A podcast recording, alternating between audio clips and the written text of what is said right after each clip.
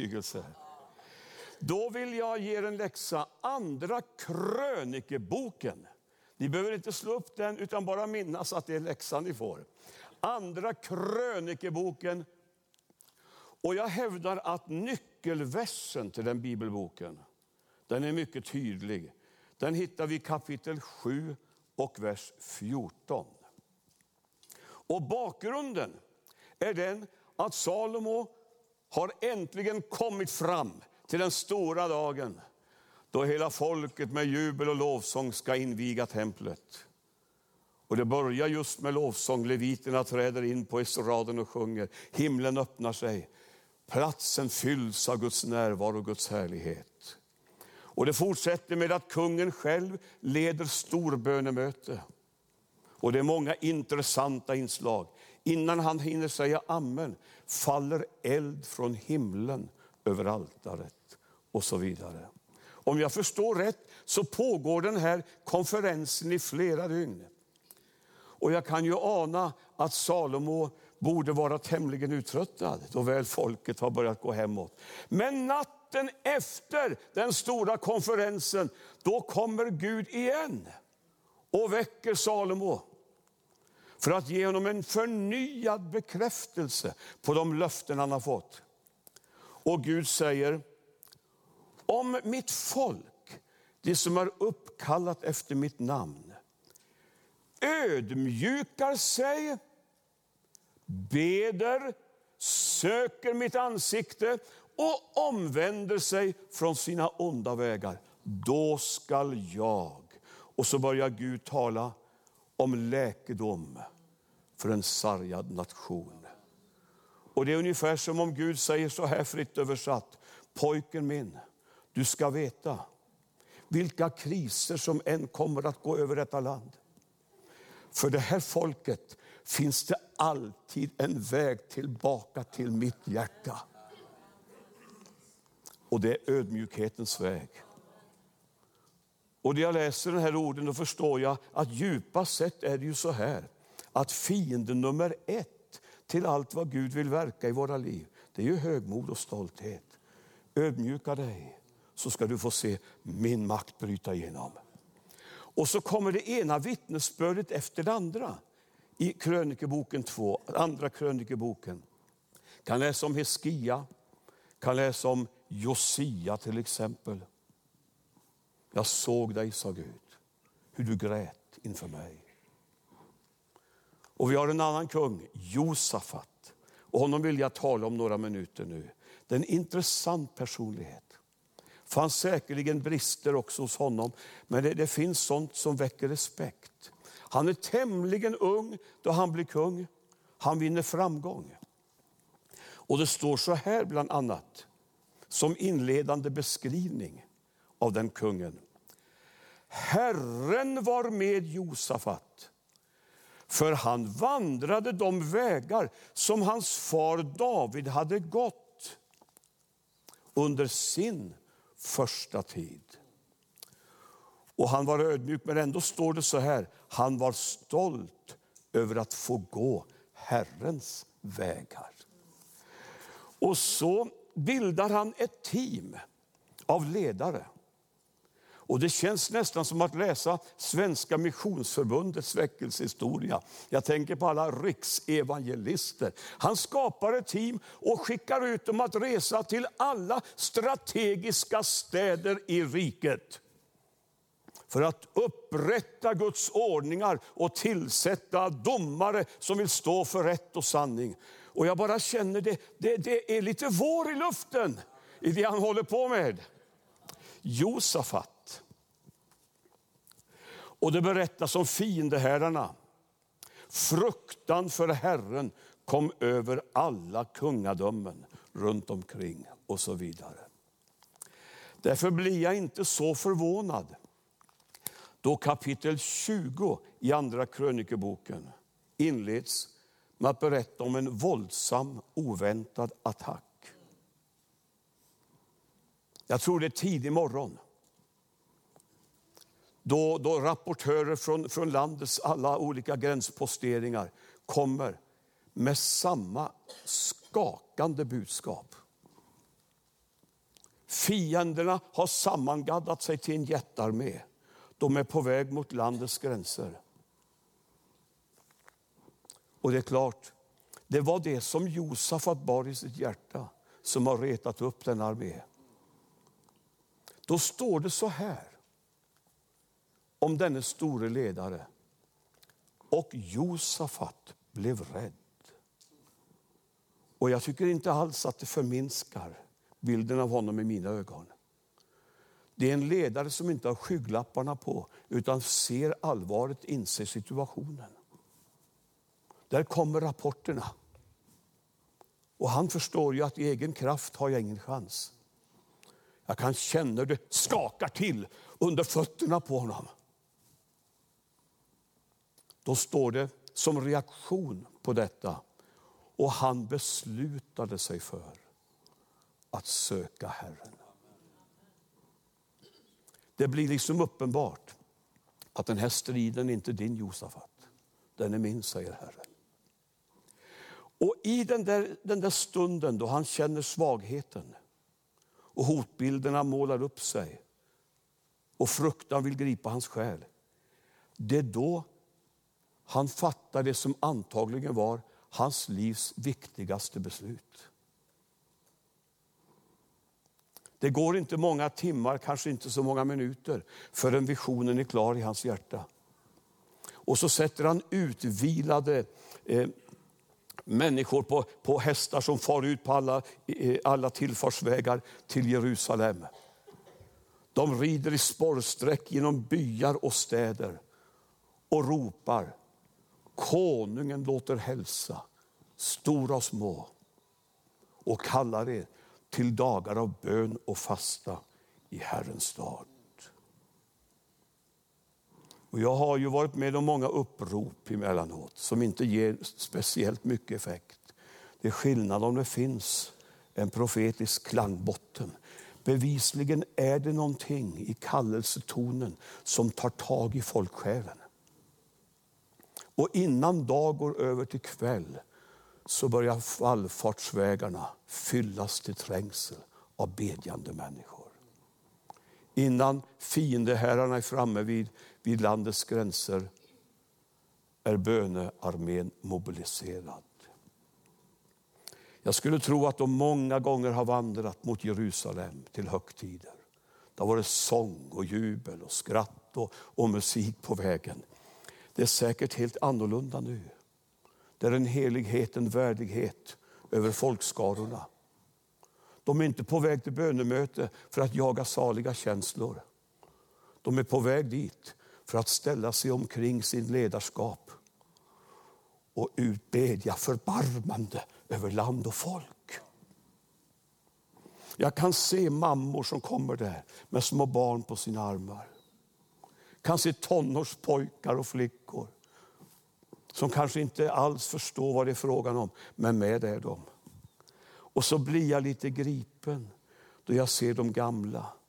En och annan som, det är möda för varje steg. Och de kanske har sagt i både 10 och 20 år, nu får ungdomen ta över. Och så plötsligt är det en profetisk kallelseton som för hela folket ut på banan. Här går vi. Kan du se när de kommer in i Jerusalem? Det är inte 500, det är inte 1000, det kanske är 100 000, det kanske är fler. Storbönemöte till räddning för landet.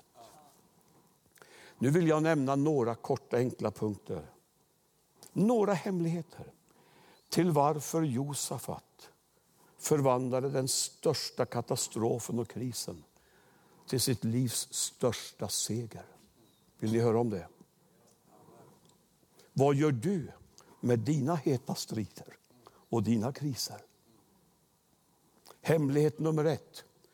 Nödsituationen förlöste en bönrörelse.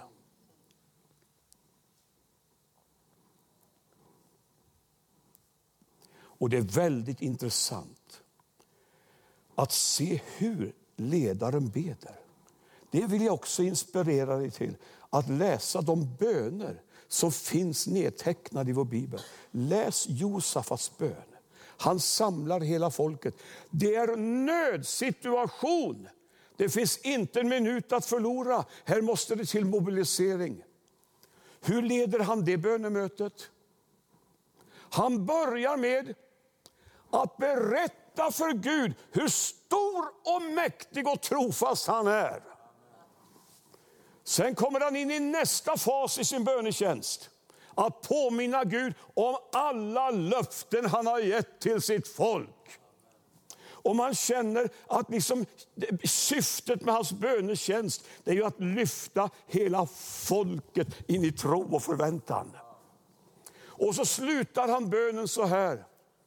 Herre, vi förmår ingenting. Och vi vet inte vad vi ska göra. Men till dig ser våra ögon. Och där tystnar hans stämma. Alla ord är sagda.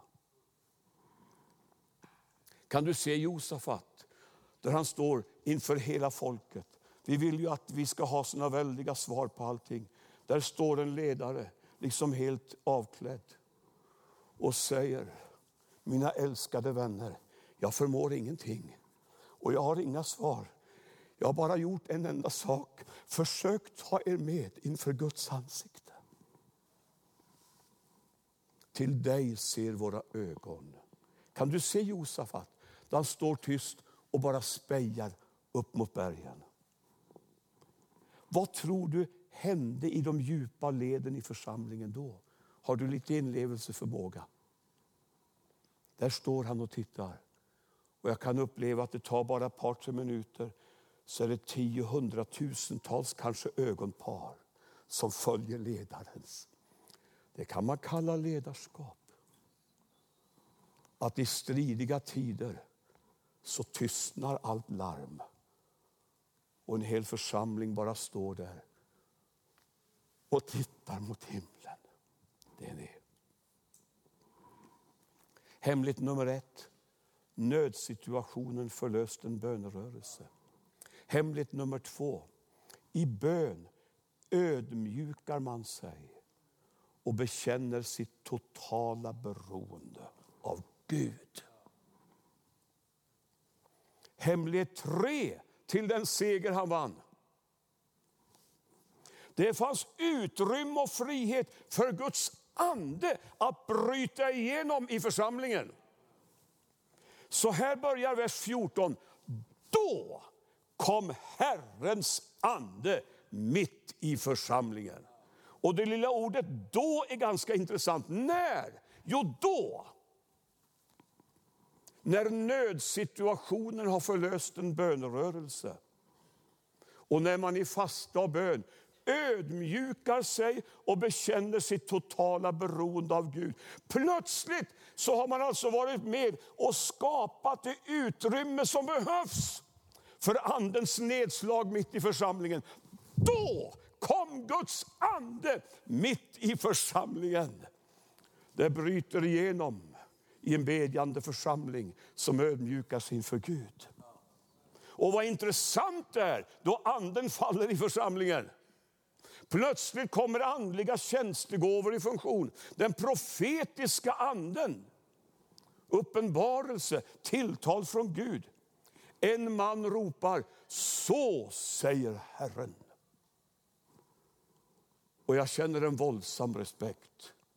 För det var inte i den kulturen som det kanske är i frikyrkosverige idag, att man kan använda sådana ord hur som helst. Så säger Herren. Det fanns väl inget som var viktigare än att Guds namn skulle vara helgat och upphöjt. Här leker vi inte med heliga ting. Alltså att våga uttala det, det var ju att prisge sitt liv. Och så ropar en man, så säger Herren. Och jag läser med förundran och ser att rakt in i nöd och förtvivlan så börjar Gud tala så detaljerat om vägen framåt. Vad intressant det blir. Det är klart det kan vara farligt. Och En del de talar ständigt om, om, om alla risker för avarter. Det höll man på att jämra sig omkring i ett, gammalt, i ett pastorsmöte i Gamla Emanuelskyrkan i Stockholm under den karismatiska väckelsen. En efter en av pastorerna hade långa föreläsningar om risken för avarter.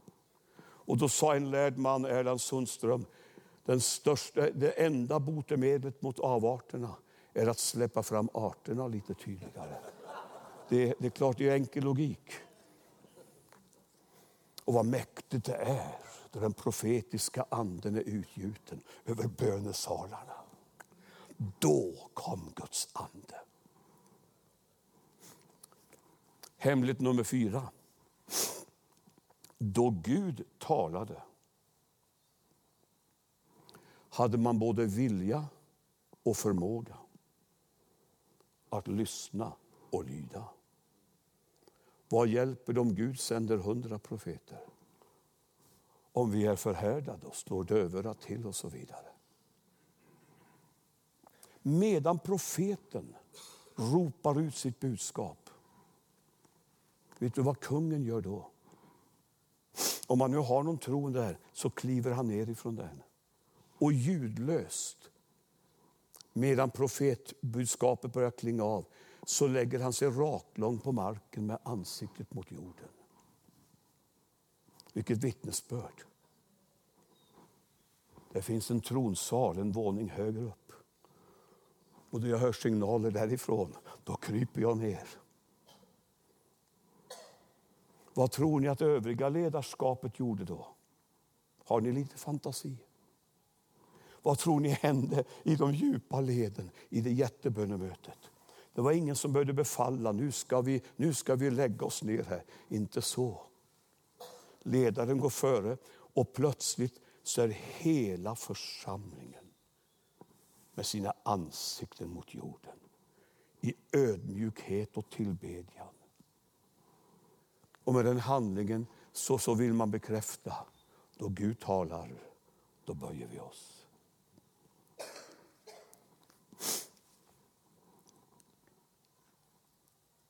Hör vilka böljande rörelser det kan vara i ett levande skeende.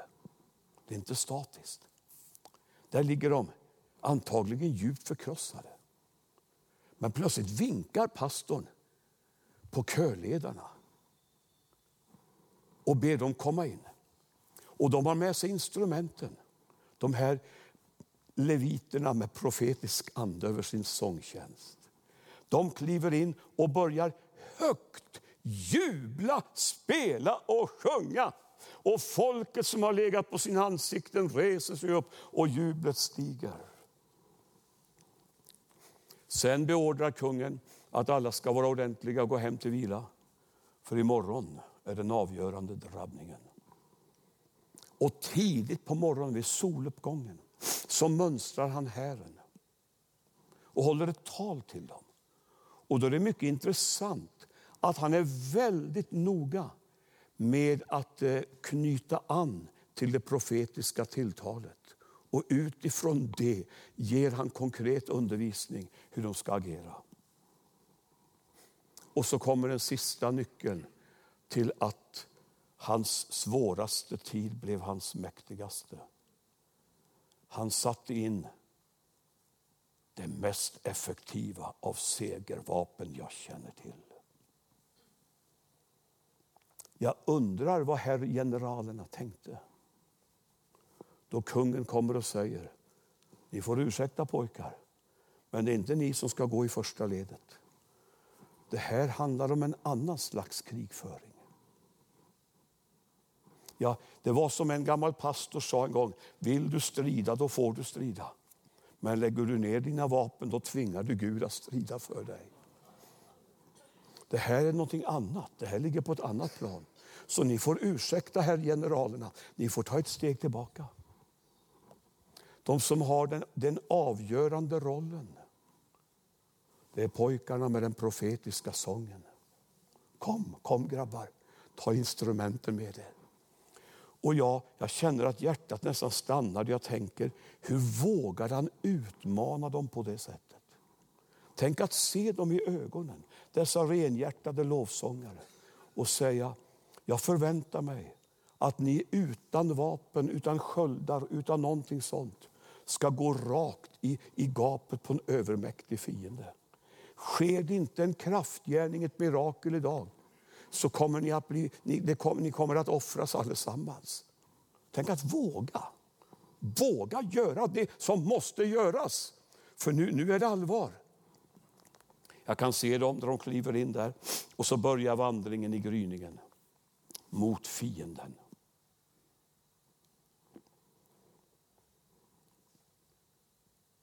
Jag undrar om de säger så här till varandra. Det känns inte riktigt öppet än för att lovsjunga. Vi går några steg till så kanske det liksom känns mera härligt. Tror ni det? För varenda steg de tar blir fienden och motståndet bara mer och mer verkligt. Vi går mot döden. Ibland blir det så väldigt baserat på känslor, tycker jag, i svensk kristenhet. Jag känner inte för att gå på gudstjänst. Vi, vi känner hit och dit och vi far. Det behövs lite mer råg i ryggen och medvetenhet. Jag vet vad Gud har ställt mig in i. Det var nog inte som söndagkväll i Pingstkyrkan direkt, där ute på stridsfältet. Nu är det läge att prisa Gud. Det var nog inte så. Då står det så här. Just som de begynte med sången och lovet. Då, då har vi det andra då, det lilla korta ordet i texten. Då lät Gud ett angrepp ske bakifrån på den väpnade Herren. Och så berättas det om att inga vapen behöver användas. Gudsfolket får bara stå stilla och se på då Gud tar hand om omständigheterna. Fienden är alltså inget problem för Gud. Ofta är det ju hans folk som är problemet. Om ni gör vad jag ber er göra, så gör jag resten, säger Herren. Att lovsjunga, vad innebär det? Det har ju varit mycket debatt om lovsång och sätt att prisa Gud. Det har ni väl märkt? Och det har sårat många. Och djävulen har lurat oss. För lovprisningen har ju liksom tagits ifrån från Guds folk i så stor utsträckning. Vad är det att lovsjunga? Ja, om vi tar den här texten. Gud hade ju gett dem sången så de fick inte välja vilka sånger som helst. Tacka Herren till han är god, för hans nåd varar evinnerligen. Vad innebar det att sjunga det tror ni? Då man går rakt i gapet och känner att det här slutar med död och katastrof. Vad är lovsång? Det är att mitt in i mina omständigheter och mitt in i nöden proklamera att det är Herren som är Gud. Och hans makt uppenbaras. Vet ni hur det slutar? I flera dygn så delar man segerbyte i en dal som namnet kan översättas både till, till ordet välsignelse och lovprisning. Och I flera bibelöversättningar kallas dalen för lovsångsdalen. Är inte det ganska vackert? Det ligger nära till hans att citera det som sår med tårar ska skörda med jubel.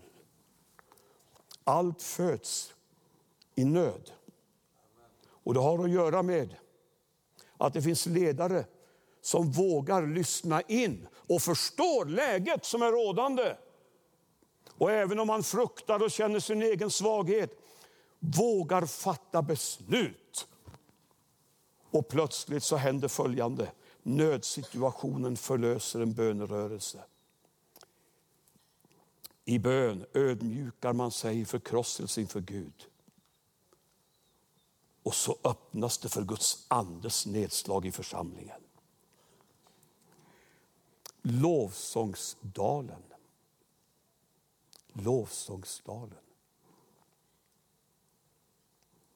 Man skördar alltså rikedomar och rika frukter ur det som såg ut som det skulle bli vår, den stora katastrofen.